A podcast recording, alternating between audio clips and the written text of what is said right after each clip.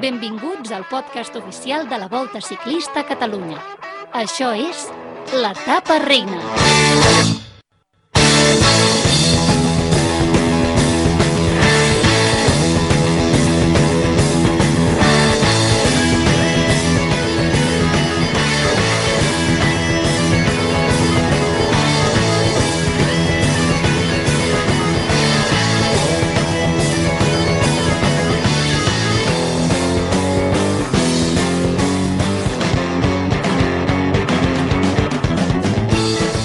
Benvingudes i benvinguts al podcast oficial de la Volta a Catalunya. Som l'etapa reina. Intentarem dissimular la ressaca i la tristor perquè ja ha passat, s'ha acabat la Volta i et trobem a faltar Volta, et trobem a faltar Remco, et trobem a faltar Primos, Marc, Mulu, us trobem molt a faltar.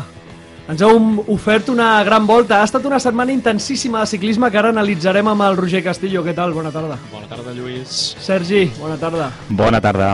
Esteu tristos? Esteu bé? Uh, ressaca emocional, podríem dir.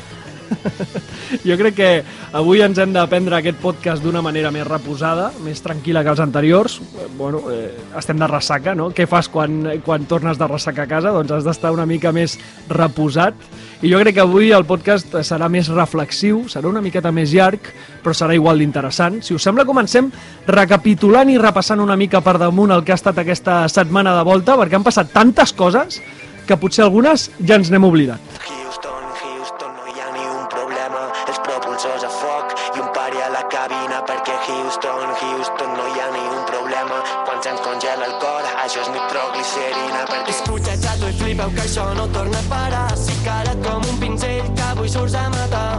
Va, doncs, eh, fem una mica de memòria per recapitular, per eh, resumir, per recordar el que ha passat fa tot just una setmana. Podríem anar dia a dia, si et sembla, perquè la gent ho ha anat vivint això. Ara, hosti, ja no me'n recordo què va passar el dimarts, saps? Podríem fer un resum ràpid perquè la gent se situï completament. Som-hi, doncs, eh, què va passar a l'etapa 1 a Sant Feliu de Guíxols? Doncs duel inesperat entre Roglic i Ebenepul, una escapada amb en Pau Miquel, el malaurat accident de Darío Cataldo, que recordem doncs, va acabar l'hospital i s'està recuperant, moltíssima força des de l'etapa reina, i aquesta victòria de Roglic, que va agafar ja el lideratge el primer dia quan hi havia molta gent, segurament esperant els velocistes en aquesta arribada massiva.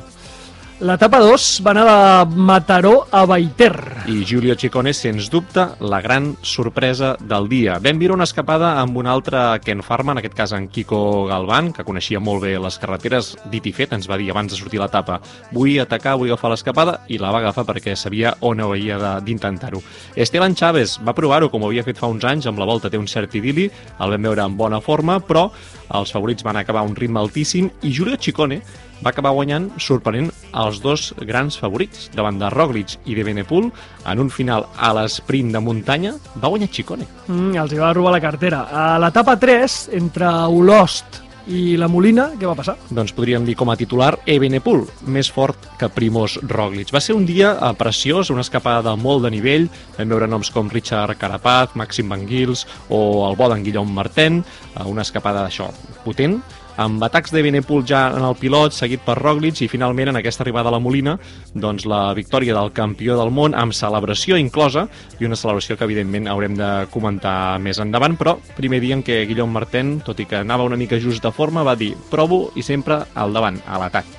L'etapa 4, que l'etapa 4 ja la teníem catalogada com a etapa per sprinters, entre Llevi i Sabadell, eh, va ser així, no? Sí, perquè Caden Groups va triomfar clarament a l'esprint. Va ser un dia d'aquells que va començar amb duresa perquè s'havia de pujar a la Molina. L'escapada va costar molt que es formés perquè hi va havia molts interessos en agafar aquella escapada i finalment van ser doncs, cinc homes que ho van aconseguir, entre ells dos catalans, el Roger Adrià i el David de la Cruz. Finalment, premi de la combativitat per al Roger Adrià. En David de la Cruz sabeu que arribava a Sabadell, a casa, ho van deixar escapar per 4 quilòmetres de diferència amb el grup, eh, que va arribar ja a Sabadell doncs, de forma massiva, i Caden Groups va ser el més ràpid per davant de Brian Cocard i Didier Schelling. L'etapa 5, esperadíssima, entre Tortosa i Loport. És el gran dia de Marc Soler, una etapa preciosa que va fer d'aquesta visita a les Terres de l'Ebre, ens va passar per tot arreu, a nivell paisatgístic espectacular, i aquesta arribada final allà al Montcaro eh, doncs va ser d'aquestes que val la pena recordar. El 2017 havíem tingut un autèntic espectacle, doncs el 2023 potser encara l'hem augmentat una mica més, perquè aquest cara a cara entre Primoz Roglic i Remco Evenepoel, amb victòria finalment de l'eslové, ens va mostrar uns últims quilòmetres d'aquest d'aquells que ve de gust tornar a posar-se de tant en tant. I els últims metres ja no cal ni, ni dir-ho, perquè Remco Evenepoel hi ha un moment que peta, que explota, a a 50-75 metres de l'arribada i deixa escapar uns segons que finalment hauran estat decisius. Per tant, l'Oport, sens dubte, un port decisiu per la volta el dia que Marc Soler el vam veure en forma, en forma explosiva, en forma potent, fent treballar doncs, a tota la resta d'equips perquè ell anava com un, com un bòlit i també ajudant, evidentment, el seu company d'equip i cap de files en aquesta ocasió, en Joao Almeida. Si dèiem que l'etapa 5 era esperadíssima, l'etapa 6 era esperadicíssima. Sí, el titular és que a la volta va arribar a Molins de Rei, aquí no cal eh, que ens hi esmercem massa. Una etapa, per cert, que la gent podia dir, ostres, no sé si serà de transició, no sé què ens donarà de sí.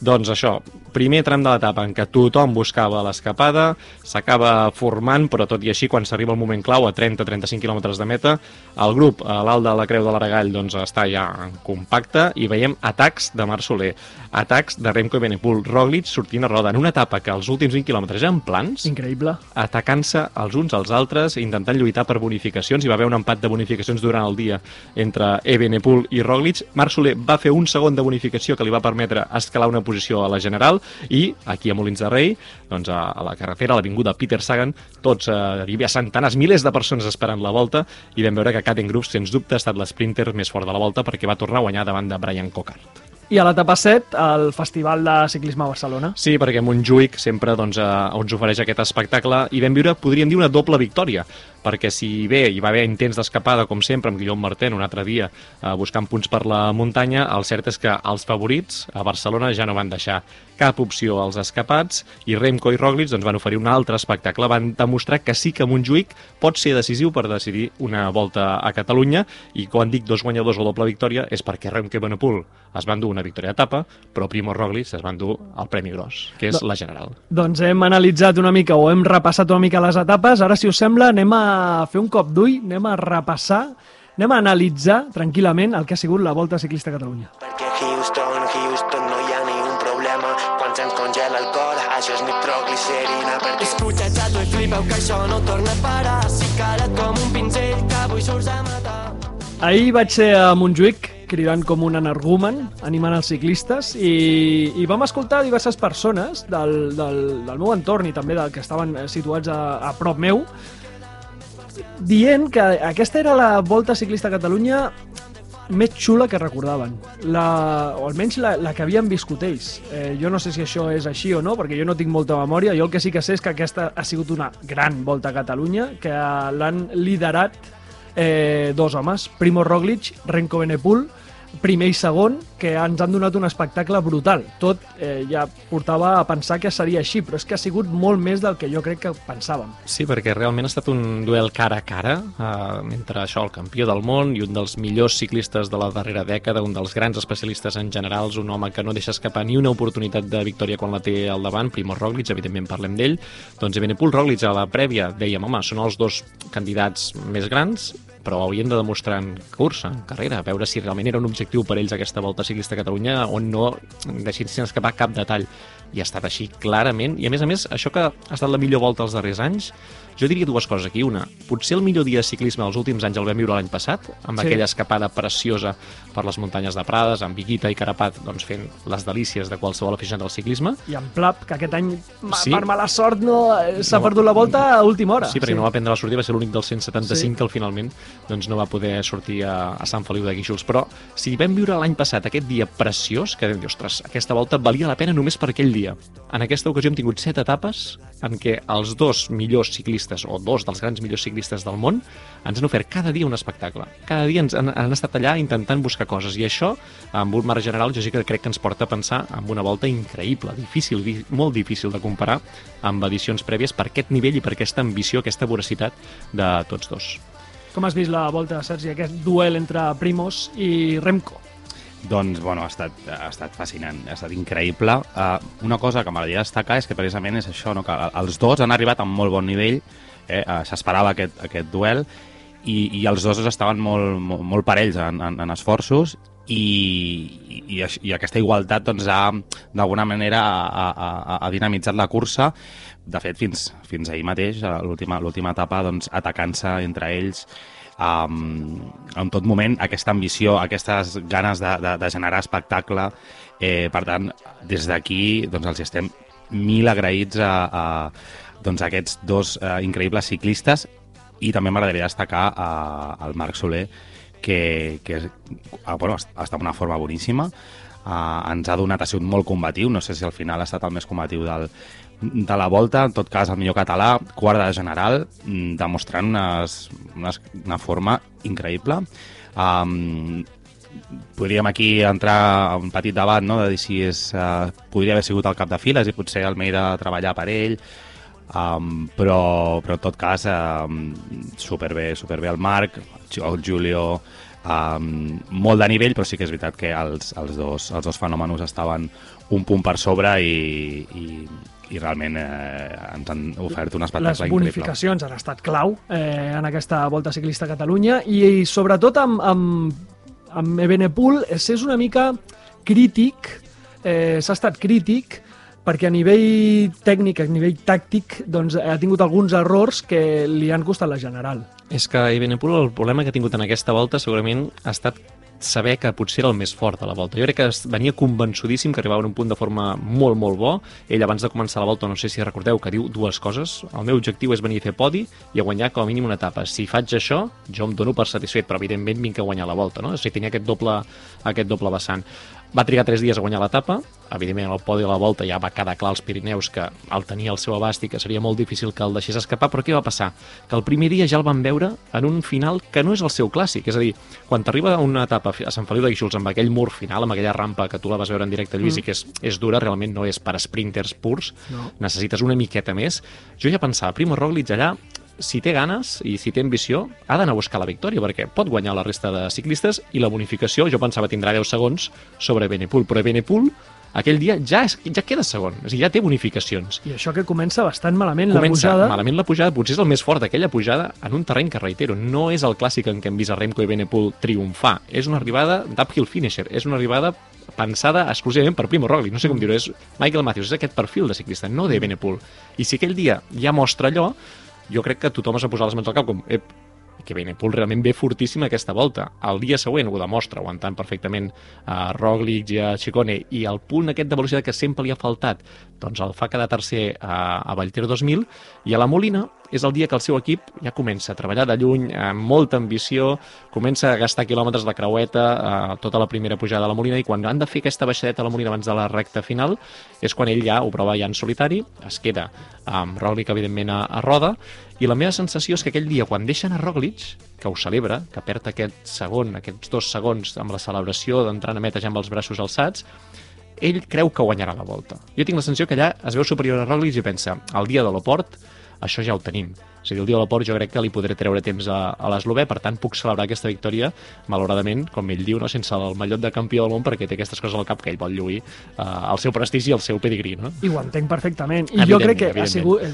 està sent un molt digne eh, representant de, de, del Mallot. Eh? Sí, sí, sí, i ho serà durant tota la temporada. Probablement hauria de passar moltes coses perquè, perquè no ho sigui. En canvi, el dia que arriba a l'Oport, que ja vaig al dia 5 de la volta, mm. la versió de Primo Roglic és fortíssima.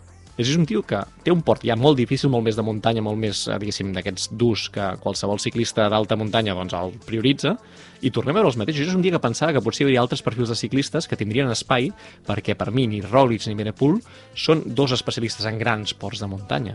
I en canvi aquell dia el duel que ofereixen és espectacular. Ho hem dit al principi, però és que val la pena reviure els últims quilòmetres de l'Oport i veure les garrotades, diguéssim, que, que es van donant l'un a l'altre, o com pel mig, entre Almeida i Marc Soler, doncs també acaben d'estarotant potser els plans d'un o altre.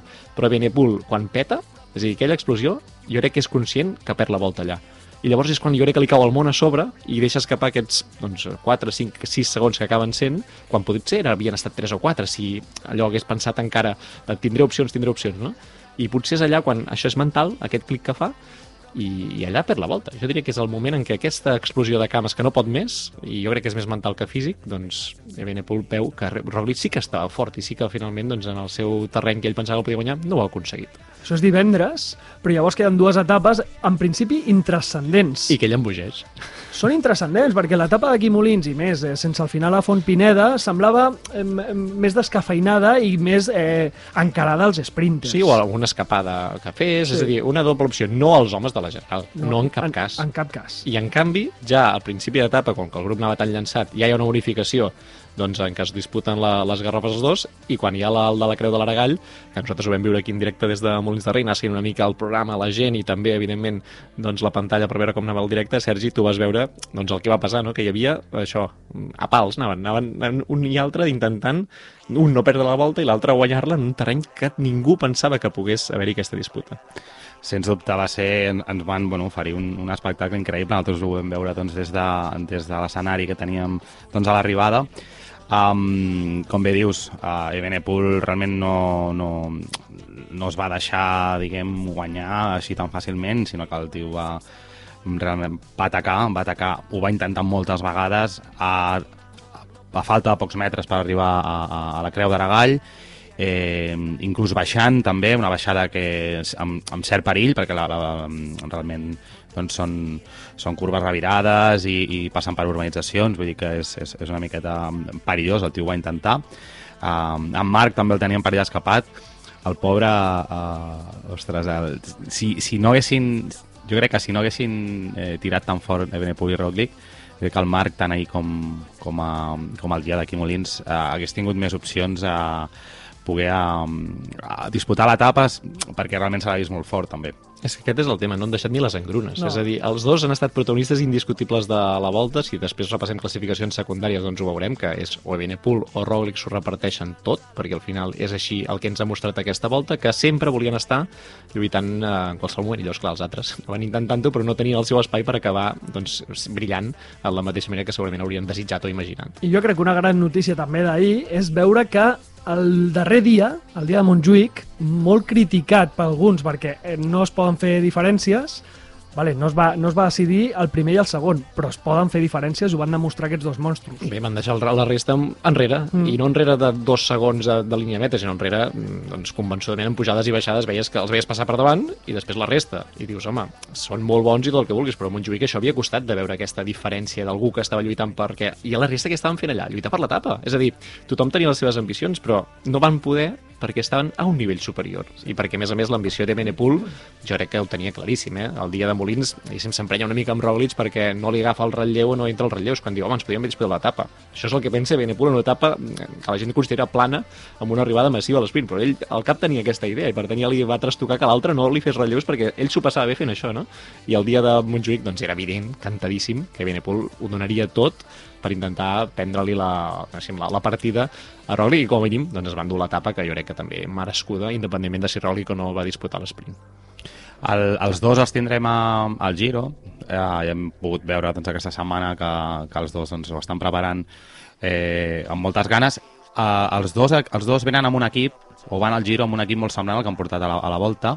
I personalment no sé com penseu però eh, jo crec que eh, el, el de Keunig l'he vist una miqueta més estructurat eh, l'he vist treballar millor que el, que el Jumbo. M'ha donat la sensació, a priori el Jumbo doncs, porta, ha portat un equip eh, boníssim, però sí que és veritat que um, a l'hora de la veritat uh, la feina la feina més gran l'ha fet el de Keunig i, i a última hora, el, el, els últims darrers quilòmetres, s'ha vist una miqueta sol al, al, al Roglic. També et diré que no, no li ha fet gaire falta en el sentit de, de que el tio ha guanyat i, i anava sobrat però sí que de cara a un, a un giro, per exemple, doncs necessitaràs potser un equip eh, doncs una mica més sòlid, crec. Estem a un mes del Giro. Mm. Eh, per tant, eh, jo crec que la volta serveix per anar agafant una idea, però el Giro eh, queda un mes i pico, per tant, eh, els equips eh, acabaran d'agafar la forma, acabaran de reestructurar-se, acabaran de... Probablement molts d'aquests ciclistes eh, encara estan en el camí de trobar el seu pic de forma. Llavors sí que potser sí que és cert que eh, el Sodal Quick Step eh, doncs eh, se l'ha vist molt fort en aquesta volta, potser un puntet per sobre del Jumbo, això, no sé, això va depèn de com ho vegis. Tu no ho diràs perquè Steven Kreuzvik ahir et va donar un regalet. No, per tant... eh, sí, Steven Kreuzvik, eh, ahir al circuit de Montjuïc, no a mi, sinó al meu fill, li va tirar els guants. I això és una de les coses que fa que, que el meu fill avui ja volia comprar-se un mallot d'aquells grocs i negres. Clar, clar, és inevitable. Sí, eh, i això és el que fa que una etapa com la de Montjuïc eh, faci que eh, que, que tothom s'animi a, a veure, a seguir el ciclisme i que un nen petit que rep el regal d'un ciclista primer que els veu passar d'aquella manera com passen, eh, sent el soroll, eh, els olora, diguéssim, Sí, sí, sí, sí. Eh, viu l'experiència del ciclisme i que a sobre s'endú un regal d'un- d'una d'aquestes eh, divinitats que han passat per davant seu, doncs això no se li oblidarà la vida i això ho fa possible a la Volta a Catalunya a Mo- a Montjuïc. Deixa'm eh, repassar Roglic, perquè és que hem, hem parlat de Benepul, però no hem parlat de Roglic, que és el que ha guanyat la Volta. I Roglic ja sabeu que una virtut que tenia, quan pensem en això, Giro d'Itàlia, si això ha estat un test, jo sé que hi ha un ciclista al món que mai s'agafarà una volta o el Tour d'una setmana com un test, sinó sempre com un objectiu. I aquest, sens dubte, és Primo Roglic, perquè allà on va, en voltes d'una setmana, ja sabem que va llançadíssima, victòries d'etapa i victòria general. I normalment ho aconsegueix, que és cosa que doncs, eh, alegra qualsevol aficionat del ciclisme, perquè és un tio que, més enllà de la seva, del seu rigor, de la seva seriositat, és que és boníssim com aprofita qualsevol eh, detall. Primo Roglic, si vols repassem les dades, no? La, Sí. o sigui, què ha aconseguit fer a la Volta a Catalunya per posar-ho, diguéssim, en valor? D'entrada, guanyar una volta o el Tour d'una setmana, liderant des del primer dia la cursa. Mira que té voltes o el Tour d'una setmana, però això no ho havia aconseguit mai encara. Per tant, primera, primer check, no?, És a dir, en el seu ell mai el seu havia caseller. fet el que ha fet aquí a la Volta, No. tot i lluitar contra el campió del món. Correcte. Per tant, des del primer dia ja ha llançat i pensant que qualsevol espai era bo per intentar guanyar aquesta volta, ho ha aconseguit, per tant, eh, doncs bravo, bravo per ell. L'altra cosa que ha ser, ja hem sentit per tot arreu, no? Aquesta volta o el tour que li faltava a Europa, ara ja només li queda una, perquè en tenia cinc, ara té la sisena, que és la Volta a Catalunya, i ja només li queda el Tour de Suïssa. Recordem que ell ha guanyat la Volta a Espanya en més d'una ocasió, que té victòries d'etapa tant al Tour com al Giro d'Itàlia, que té un monument com la Liège-Bastogne-Liège, és a dir, el palmarès sencer de Primo Roglic. Si vols et dic dos xifres que jo crec que et sorprendran. D'entrada, quants ciclistes tenen més victòries com a professional a dia d'avui, dels que estan en actiu, que Primoz Roglic? Imaginem que hi ha un món del ciclisme, ja sabeu com funciona, que els sprinters normalment Clar, fan, un, fan un botí allà cada temporada que és inabastable, normal, normalment. Sí. I Primo Roglic, recordem, que no és Evenepoel, que no ha començat el ciclisme ben jovenet, al contrari, el vam veure d'aquests que va tenir una explosió doncs, molt tardana perquè venia dels salts d'esquí. Quants en diries? Perquè... Quants, quants té per davant? Sí, sí, quants encara ha d'atrapar. si m'ho- si ja dic dius jo així- perquè la, segur, que, segur que les pífies, i per tant ja m'avanço. Són, és el setè. O sigui, en té sis, i sis estem parlant de noms. Peter Mm, Sagan, Exacte, eh, aquest estil Arnaud de Demar, Cavendish, Cavendish. tenim Demar, tenim a Boasson Hagen, diré que és Christoph, i no sé si hi ha algun altre. Matthews? I ja arri... No, Matthews està bastant, bastant per sota. De fet, Matthews està com a Benepul, ja, perquè us feu la idea de Benepul també, de les Sí. xifres que, que porta, eh? déu nhi però estem parlant tot de sprinters purs i, I Roglic. i d'un tio guanyador de voltes perquè és l'únic que és capaç de fer, convertir en voltes o en voltes sí, d'una setmana o de tres, en guanyador d'etapes de 3, 4 o 5, en funció de- d'allà on va. Clave de Tirreno a guanyar-ne 3, aquí n'ha guanyat 2, eh, per tant, clar, Roglic va acumulant. Roglic sempre, sempre acumula. I l'altra cosa que té és que si ens fixem en la qualitat de les victòries, o sigui, tu ja vas a mirar proves que siguin com a mínim de nivell World Tour. Això eren victòries com a professional. Aquí és el tercer.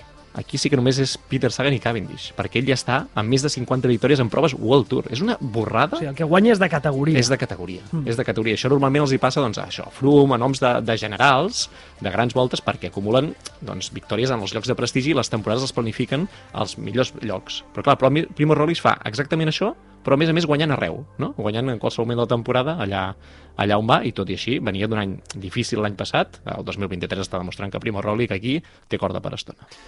Doncs hem repassat Ebenepul, hem repassat Roglic, els catalans els deixem per després. Eh, voleu repassar altres noms de, de la Volta Ciclista a Catalunya? Sobretot un, Caden Grooves. Caden Grooves és el velocista que tots a la prèvia doncs, anomenaven potser perquè havia guanyat l'any passat a la volta una etapa o perquè tenia una victòria en una Vuelta Ciclista a Espanya, que això sempre doncs, vesteix, potser com el, més, eh, com el referent o com dels més forts, doncs dues oportunitats que ha tingut i dues victòries, i la segona No era oportunitat. era... Pff, S'ho havia de crear tot ell. Perquè, sí, perquè a 4 quilòmetres de l'arribada té una avaria mecànica, li deixa la bicicleta un company que entenc que deu ser més o menys com ell d'alçada i, de, i de, de la seva forma física, diguéssim, i amb una bicicleta d'un altre guanya la cursa. Sí, sí, diria que era Xandro Meurice, Sí. Um, però vaja, és, és, és una bajanada, anava llançadíssim. El, si veu veure la tapa ja sabeu que anava llançadíssim aquell moment la, la tapa i amb aquesta punxada ell està allà al davant. A mi em va sorprendre moltíssim perquè he fet el directe, Sergi, recordes que vam comentar Ho estàvem comentant en directe. de, aquest descartat, perquè ha punxat a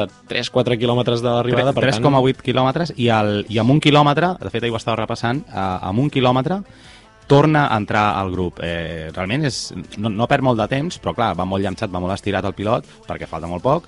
És, passen per una zona de, de rotondes, de, que avui són encara s'estira més el grup i tal, i ja, ja et dic, en menys d'un quilòmetre aconsegueix reincorporar-se al grup. Sí que és veritat que hi ha un, un company doncs, que l'espera una mica, però que al, al final tampoc li, li acaba fent molta feina perquè hi ha molts cotxes allà entremig i és, és, és complicat. I no només això, recuperar-se d'aquest esforç o sobreesforç que va fer, eh, va tenir un quilòmetre, diguem, per descansar, com aquell que diu, a, Sí, sí. a, a, a 200 per hora que deuen anar, i, i guanyar, ser capaç de guanyar l'esprint, ser el més fort. Uh, per tant, ja, ja, ja, ja, ho- ja ho esperàvem, no? que, que era l'esprinter potser més fort, amb, amb, amb més nom, però realment ho ha, ho ha demostrat. I fer això davant de Cocar no és fàcil. No, eh? no, O sigui, no, no. no és un nom de segona categoria, ja. No, no. Cocar aquest any havia guanyat la seva primera prova a World Tour eh, i s'ha estat a punt de- d'endur la segona i no hi ha hagut Ha manera. fet dos pilotes al pal. Sí. Eh, altres noms de la volta que vulguem destacar, com per exemple, digues. No, anava a dir, un, un l'has de destacar tu. Hombre, io ho postato. Io ho postato, exacte. Tu Io ho postato per te. He apostat per té Giulio Ciccone, eh, és un ciclista que eh, comença normalment molt bé les temporades, aquest any especialment, eh, no acaba de rematar en alguns moments, com per exemple la volta a la Comunitat Valenciana, no es va endur la general, però aquí va sorprendre tothom a Baiter i va ser una victòria m- em dóna sensació molt italiana, els hi va robar la cartera a Primo Roglic i a, i a Renko Benepul d'una manera molt viva. I molt ben feta, Sí. perquè era molt fàcil que aquesta, aquest gest, diguéssim, italià que dius tu, acabés una mica malament o amb alguna queixa rival, però ho fa tot allò pulcrament dins Sí. sí. de l'italianisme, no? Sí, sí, sí. Molt bé, molt bé. Giulio Ciccone ens va sorprendre a tots i després ha, ha estat eh, lluitant moltes altres etapes, com per exemple la Molina va estar davant també, eh, i va, va despenjar-se una miqueta més a, al dia de l'Oport. Sí, va viure uns Pirineus excel·lents sí. i el dia de l'Oport doncs, vaja, va baixar una mica el nivell que normalment l'havíem vist, però que res d'altre món, ha acabat al top 10 de la General, jo crec que una molt bona volta per ell, una victòria que sens dubte passa al top 3 de victòries seves o la millor. De foto, de La- foto la de menjador. La, la foto és la millor, perquè ell entra amb els braços, els altres dos preocupats, Sí. però ell allà amb els braços, eh, bueno, eufòria desbordant i sense poder llançar les seves ulleres al seu gest clàssic. de foto de menjador. Més noms d'aquesta volta ciclista a Catalunya. Jo en vull destacar un altre, que també ens va caure molt bé quan vam parlar amb ell, que també ha vestit el mallot de la muntanya, que es diu Guillaume Martin. Tu diràs, perquè ho ha fet eh, tot... Jo diria que amb l'estat de forma que venia a la volta, que ell mateix reconeixia que no era l'òptim,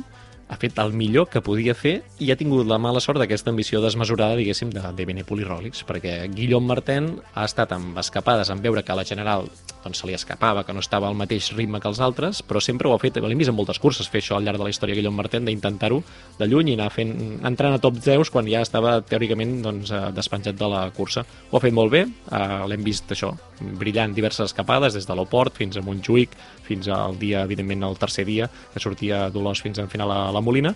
Ha portat aquest matllot de muntanya, però al final, les últimes pujades de l'alt de Montjuïc, del castell de Montjuïc, doncs eh, li va passar la mà per la cara a Benepul. Eh, no hem parlat de...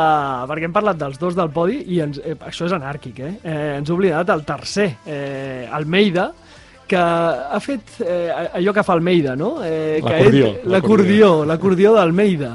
Eh, un UAE que que s'ha trobat amb una volta una mica estranya, amb la caiguda d'Adam Yates el primer dia, eh, per mala sort, i després amb aquest acordió d'Almeida i amb aquesta explosivitat del Marc. Però vaja, d'Almeida no n'hem parlat. Perquè té aquesta... És, és quedar-se al segon pla, em sap greu, perquè hi ha hagut dos grans ciclistes que han lluitat per la volta i la resta han lluitat pel tercer lloc del podi. I llavors per això segurament no ens ve tant al cap el nom de- d'Almeida. A més a més, realment Almeida ha tingut un dia molt bo, i la resta ha passat una mica desapercebut, sempre entrant amb els millors, evidentment, però no al davant. És a dir, potser ens queda més l'exhibició de Chicone, per Mm. entendre'ns, que la general ha anat més enrere, que no pas a Joao Almeida, que l'hem vist el dia de l'Oport, venint de darrere com sempre, enfilant, gràcies a Marc Soler també, doncs, un bon ritme davant de Ebenepol i ho intenten, ho intenten els dos UAE, i finalment són els altres dos els que juguen la victòria, però aquell dia és el dia que Almeida assegura el podi i té molt de mèrit, perquè recordeu, Joao Almeida l'any passat ja va ser podi a la Volta a Catalunya, són sí. dos anys seguits fent una tercera posició en una cursa com la Volta, jo crec que doncs, molt bé, molt bé per al portuguès. Plantejant també amb el futur del Giro, vull dir que també és interessant. Tens algun altre nom, Sergi?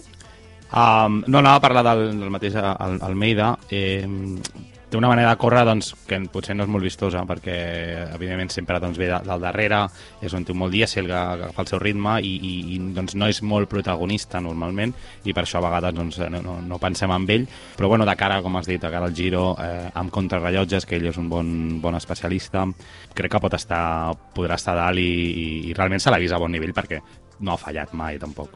Eh, un últim nom, perquè podríem repassar-ne molts més, Carapaz, eh, vull dir, hi ha, hi ha hagut molts Sí, noms sí, sí, sí. molt forts i que han sigut protagonistes a la volta. Deixa'm destacar-ne un, perquè teníem, ens feia molta il·lusió que, que comencés la temporada a la Volta Ciclista a Catalunya, que tornava a competir després d'un any en blanc, que era Egan Bernal, que eh, clar, no ha estat al seu millor nivell. Eh, penseu que fa un any eh, doncs, eh, podia haver estat mort i ara està competint al World Tour. Eh, per tant, estem supercontents per ell i va tenir la mala sort de patir una caiguda que al final ha quedat en res, però vaja, eh, molts ànims a Legan i, i ens va fer molta il·lusió tenir-lo aquí a la volta. Evidentment. Eh, anem a parlar de catalans? Vinga, va.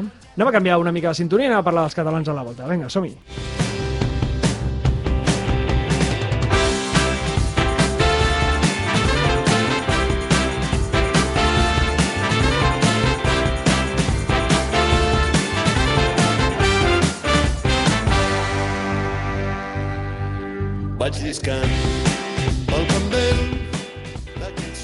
El repàs dels catalans a la volta, n'hem tingut 10. Eh, feia molts anys que no teníem tants catalans a la Volta a Catalunya. Jo crec que és un motiu de celebració. A més, hem vist eh, la Volta Kids, eh, també una iniciativa molt xula per eh, incentivar que dintre d'uns anys no en siguin 10, en siguin 20, 30, 40 o, o els 247 eh, participants de la Volta, tant de bo.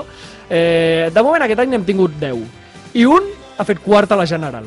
Sí, Marc Soler, de Vilanova i la Geltrú, ja sabeu doncs, que ha estat un dels grans protagonistes d'aquesta volta, un dels que ens ha fet vibrar, aixecar-nos del sofà, aplaudir-lo força tots aquests dies que l'hem vist passar per les nostres carreteres. És el seu tercer millor resultat en una general d'una volta World Tour. Recordeu aquella París-Niça que guanya el 2018. Després ja ve el podi de la volta del 2017 i aquesta quarta posició de la volta del 2023 empatat amb el Tour de Romandia, que també fa quart el 2021. Ha estat una setmana sensacional pel Marc Soler, que no partia com a líder d'equip. No. Eh, també hem tingut el David de la Cruz, eh, ciclista de l'Astana, eh, que ha sigut la seva, la seva millor volta. Sí, perquè d'entrada ja ha aconseguit un top 10 d'etapa que no havia assolit mai a Barcelona, a, ahir mateix, per tant això ja hi porta mèrit, però sobretot l'escapada del dia que ell ens va marcar abans de començar la volta, diem, David, com veus això del dia 4, que arriben a Sabadell, a casa teva, és una etapa que llàstima que no hi hagi una mica més de duresa perquè tu podries intentar-ho. I ens va dir, "Xxt, ja veureu, ja veureu. Ja veurem. I es va posar a l'escapada i només eh, li van faltar 4 quilòmetres doncs, per intentar disputar aquesta victòria. Jo crec que ha fet una molt bona volta el David de la Cruz un cop va comprovar que no tenia les cames per lluitar per la general. Hem tingut també l'Antonio Pedrero, no ha estat la seva millor volta, però imagino que també amb la mirada posada en el giro, el Marc Brustenga, treballant per l'equip, i vivint, i se li nota que gaudint la volta, tot i que no ha, no ha pogut eh, brillar, se li veu que gaudeix.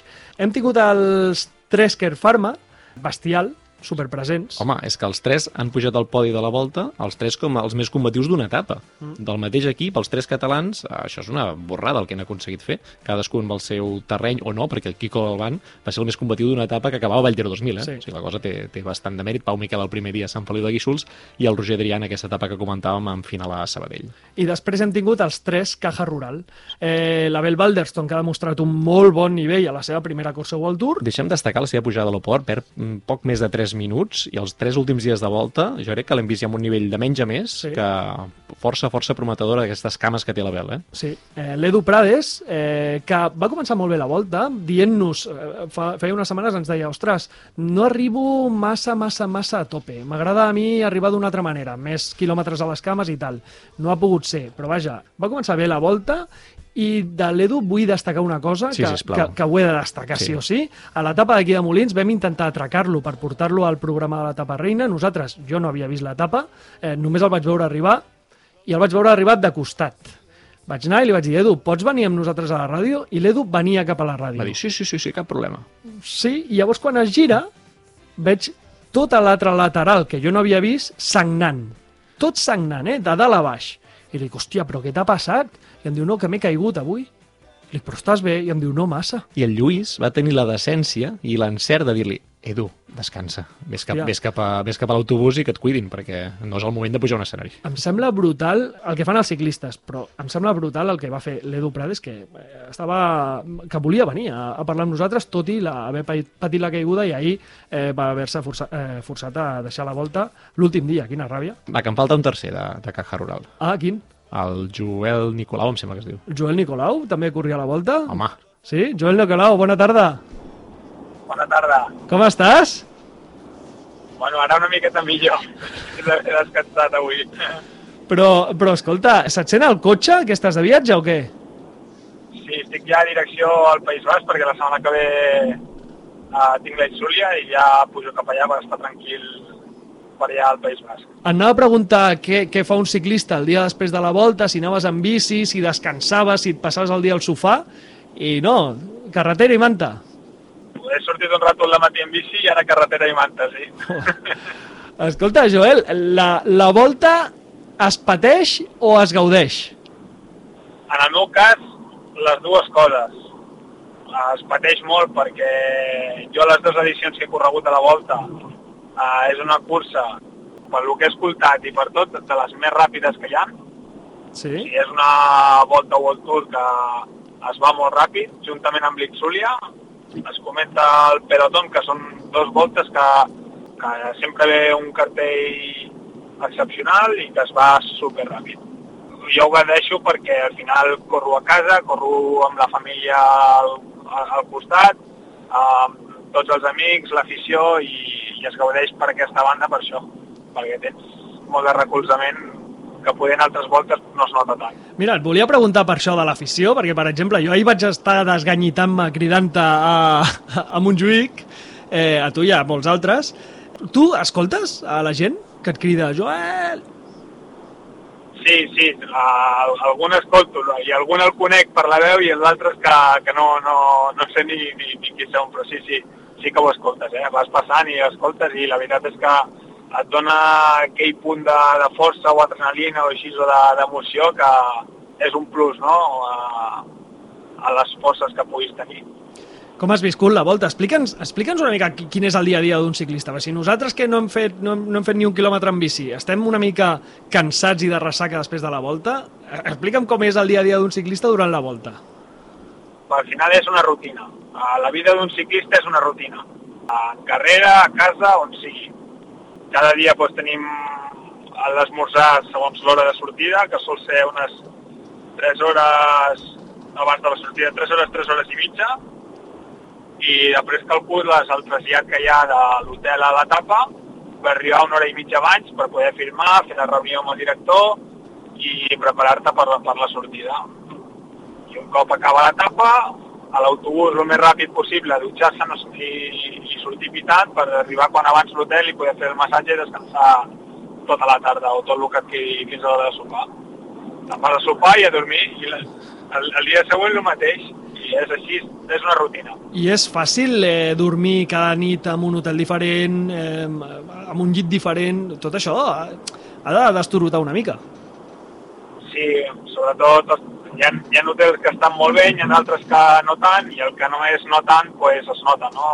El, el descansar, sobretot, fa molt el coixí, bastants corredors pues, ens enduem el nostre coixí de casa per, per com a mínim intentar sempre dormir amb el mateix coixí perquè jo diria que és una de les coses que es nota més i per facilitar pues, la recuperació al màxim. Et volia preguntar una mica, ja que, ja que entrem com en aquesta part de darrere de les càmeres, això que no veu ningú, volia preguntar una mica per l'equip. A més de ciclistes, quants, quants aneu eh, al bus del, o al bus o a l'estaff, diguéssim, del Caja Rural? Aquí a Catalunya sí que a les grans voltes o a les voltes World Tour sempre hi ha el, algun més, però en general són tres massatgistes, uh, tres mecànics, el xòfer del bus i no sé si un, un o dos directors, dos directors. I, I són els mateixos massatgistes o mecànics els que després us donen els bidons durant la cursa? Eh, això funciona així, no? Sí, uh, hi ha un que quan hi ha trasllat d'hotel doncs es queda amb el camió per fer el trasllat d'hotel. Després hi ha els altres tres massatgistes, uh, doncs un s'encarrega d'anar a l'avituallament, l'altre d'anar a diferents punts per repartir bidons. Després, quan acaba de l'últim punt de donar aigua, doncs se'n va directe a meta per fer meta. El doctor també m'havia deixat, que també ve un metge a l'equip, nutricionista també, al final, sí, quasi, quasi són més de... Hi ha, hi ha més persones al voltant nostre que corredors, Molt bé. i sense el quasi. I, i, i, això, i això un equip, uh, però uh, un equip World Tour ja és una, una bestiesa. I l'ambient què tal? Eh, de tota aquesta gent que, que, que us passeu el dia currant, no, so- no només els ciclistes, sinó els altres, eh, tota, tot aquest staff, tot aquest eh, equip que hi ha darrere, es fa alguna després al vespre o alguna quedeu per xerrar una estona, per comentar l'etapa, per, eh, no sé, per eh, fer una mica de comunitat? Uh, durant les etapes no gaire perquè, ja et dic, no et queden gaires hores mortes i normalment nosaltres solem sopar abans que l'etap i, i costa, no? Però, però sí que tinc que dir una cosa que ser un equip més petit hi ha molt més bon ambient o es veu més bon ambient entre auxiliars, corredors i això, perquè al final la nacionalitat ja tots parlem el castellà o som més de sud-americans o castellans i, i, i tenim el mateix idioma. I més o menys la convivència és molt similar. Que sí que jo he escoltat amics que estan a altres equips World Tour que diuen, hòstia, jo veus, jo el que trobo a faltar és això, que som ara un de, jo què sé, eh, un anglès, un que és rus, l'altre que no sé què, l'altre no sé quantos, i sí que pues, aquest ambient tan familiar que poder tenim aquí en el Caja Rural pues, el trobo a faltar pues, en un equip més gran. Clar, això també fa que després rendeixis més, no? Estàs més content, estàs més a gust, estàs més eh, còmode i fa que la, les curses al final vagin millor. Eh, ara que deies que tens eh, Sí. relació amb, amb gent d'altres equips, potser no catalans, què n'opinen ells de la volta? Tothom qui parlo, ja sigui de la Volta o l'Itzulia o així, eh, són carreres... Sobretot la Volta a Catalunya és una carrera que s'aproparia molt a tipus d'etapes del Tour. I així te la defineixen, en plan un, un petit tour, home, déu nhi eh? És un, és un bon titular. Eh, ja per anar acabant, Joel, que sabem que portes eh, el tute de tots aquests dies i ara sobre de viatge cap, a, cap al País Basc, eh, volia parlar una mica del, de l'equip. Et volia preguntar primer pel l'Edu, com està l'Edu?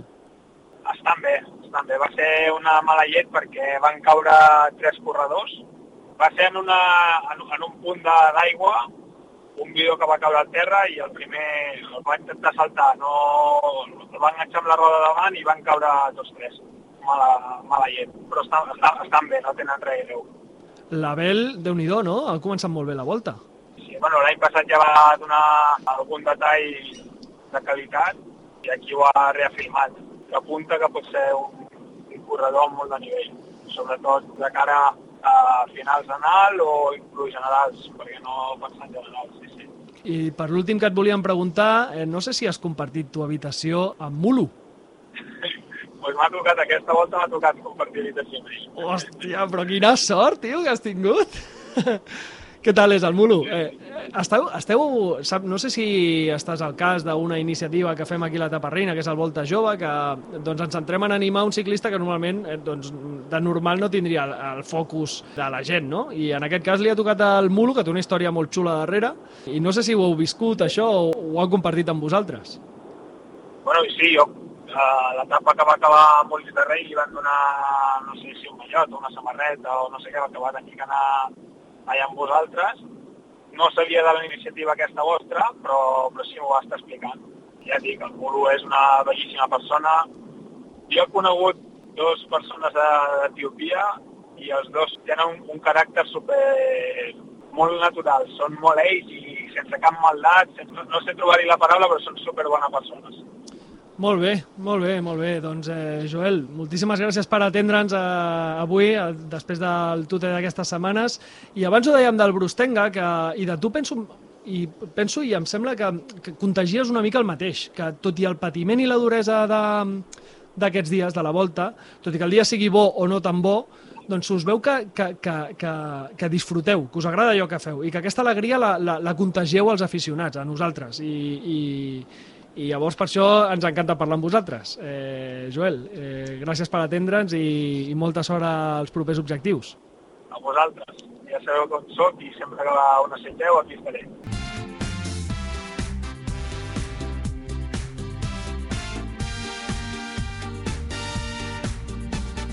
Avui és un dia fotut, no tens escut, voldries perdre't en l'Àrtic, no vols comprendre que viure és fantàstic, que no ets un mes entre el públic... Doncs hem parlat dels catalans que avui estaven a la Volta Ciclista a Catalunya. Eh, la veritat és que molt bé, la representació catalana a la Volta Ciclista de Catalunya. El Joel no ha tingut la seva gran Volta a Catalunya. És un tio que és el Tomàs de Gent català, sempre va escapat, sempre ho lluita molt i contagia aquesta alegria, aquesta, aquestes ganes de, de, de que s'ho està passant bé. I si no ha estat aquest any serà el següent, sí. perquè el Joel ho intenta, ho intenta, ho intenta, i algun any aquest Tomàs D en català el veurem en aquest nivell. Sí, sí, sí. sí. El veurem aqu aquest any el veurem segur a altres curses. No l'hem vist a la volta, però el veurem en altres curses. Escolta, jo crec que tenim cinc minutets per parlar nosaltres, que és el primer any que hem sigut podcast oficial de la Volta a Catalunya, que l'hem gaudit molt aquest any. Moltes gràcies a l'organització de la Volta per, per, per pensar en nosaltres, per donar-nos aquesta oportunitat de fer-nos passar aquests dies tan xulos. Eh, jo crec que podríem parlar una miqueta sobre com hem viscut la Volta a Catalunya. Home, jo crec que ha estat espectacular, perquè hem anat seguint totes les etapes, o gairebé totes les etapes in situ, parlant amb els ciclistes, parlant amb la gent de l'organització, parlant amb altres periodistes que hi havia per allà, doncs hi havia de tot, de tot, de tot. I llavors, una de les persones que jo crec que ha tingut l'oportunitat de viure una cosa que encara no havíem viscut nosaltres és el Marc Vives, Sí. perquè ha fet una cosa que no havíem fet mai encara. Marc, el tenim al telèfon. Com estàs? Hola, què tal? Eh, parla, parla, explica, que sembla que Sí, sí, no t'hagi sí. fet il·lusió, tio, que estàs aquí callat, que vas anar en cotxe, mira, no? Saps, no, saps què passa? És que ho he explicat ja a tanta gent aquests dies Ah. que ja, ja m'he quedat sense paraules. No, Top- no, una... Top 3 de una- dies més feliços de la teva vida? Sí, sí, sense dubte, sense dubte. Explica, explica, què vas fer? Bueno, va ser un dia... Vaig, des que vaig sortir de casa fins que vaig tornar, potser van passar 13 o 14 hores, però, però tant hi fa.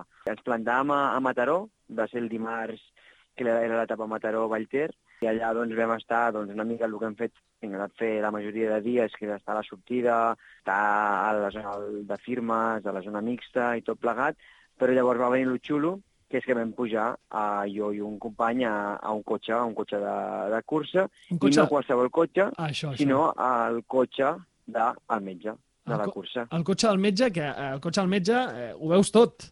Ho veus tot, o sigui, era el cotxe que anàvem amb, amb el metge, que era Pablo Escane, que a partir de l'any que ve serà el, el metge oficial, el metge primer de, de la Volta a Catalunya. Vam estar gran part de la cursa que érem el primer cotxe després del cotxe neutre, Mhm. per tant, eh, ho veiem tot, mm, tot el que passava a la cua, cua del pilot, i a més, doncs, qualsevol infortuni que podia tenir qualsevol corredor, tant des de caigudes, que malauradament en vam haver de, de veure alguna de, de, primer, de primer pla, com sobretot doncs, doncs, molèsties, eh, preguntes, al final doncs, malestars i que baixaven els corredors, també doncs, directors que s'apropaven al cotxe mèdic a, a consultar, no, ostres, el meu corredor ha passat mala nit, què podem fer, tot plegat, i, bueno, clar, era brutal perquè tu des de dins doncs, veies totes aquestes situacions i, a més, corredisses, segons com, per agafar medicaments o per agafar material, eh, una mica et senties part no, de, de la Volta a Catalunya. La frase icònica aquesta de que duro es este deporte, Pedro, allà ho vas veure, però clar, no?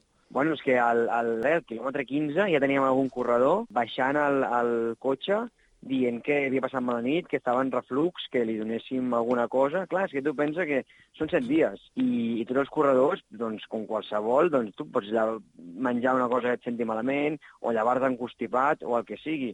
I llavors, si el corredor vol, vol, vol acabar la carrera, molts cops eh, eh, està fent una etapa incòmoda però l'ha de passar aquell dia.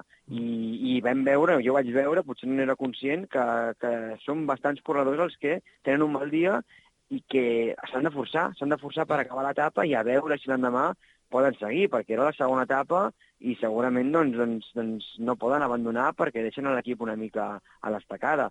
Llavors, eh, és ben curiós veure tot això, la veritat. Doncs eh, guarda bé aquests vídeos, Marc, eh, perquè, és, clar, és, és com el vídeo d'una boda o del naixement d'un fill, eh, està en aquest top de dies de la teva vida. Eh, nosaltres eh, anirem a acabar d'explicar de, quatre coses de, de la volta que vam veure des de dintre, Roger. Sí, sobretot aquesta, aquest contacte directe amb els ciclistes, perquè hem tingut doncs, eh, això, gent molt, molt, molt amable tenint-nos gairebé cada dia, que ens veien, els hi fèiem certes preguntes que potser anaven fora del lloc, parlàvem sobre música, sobre llibres, els hem fet bromes, els hem tret un xampú, sigui, hem fet coses una mica estranyes per ells i tots ens han respost amb una amabilitat que a mi m'ha sorprès, perquè sempre pensava, algú ens dirà, a veure, potser no és el moment, estic molt concentrat en una carrera.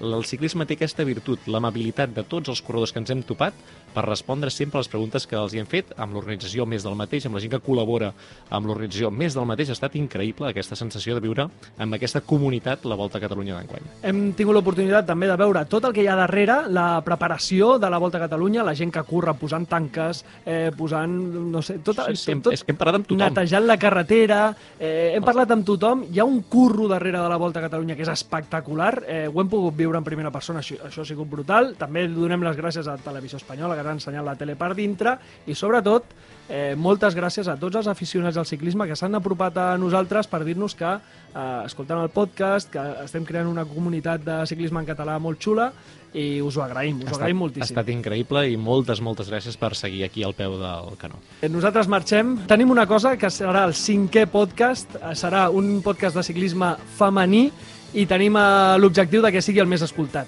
Eh, és un objectiu molt ambiciós, però ho farem. Eh, que vagi molt bé, visca la volta!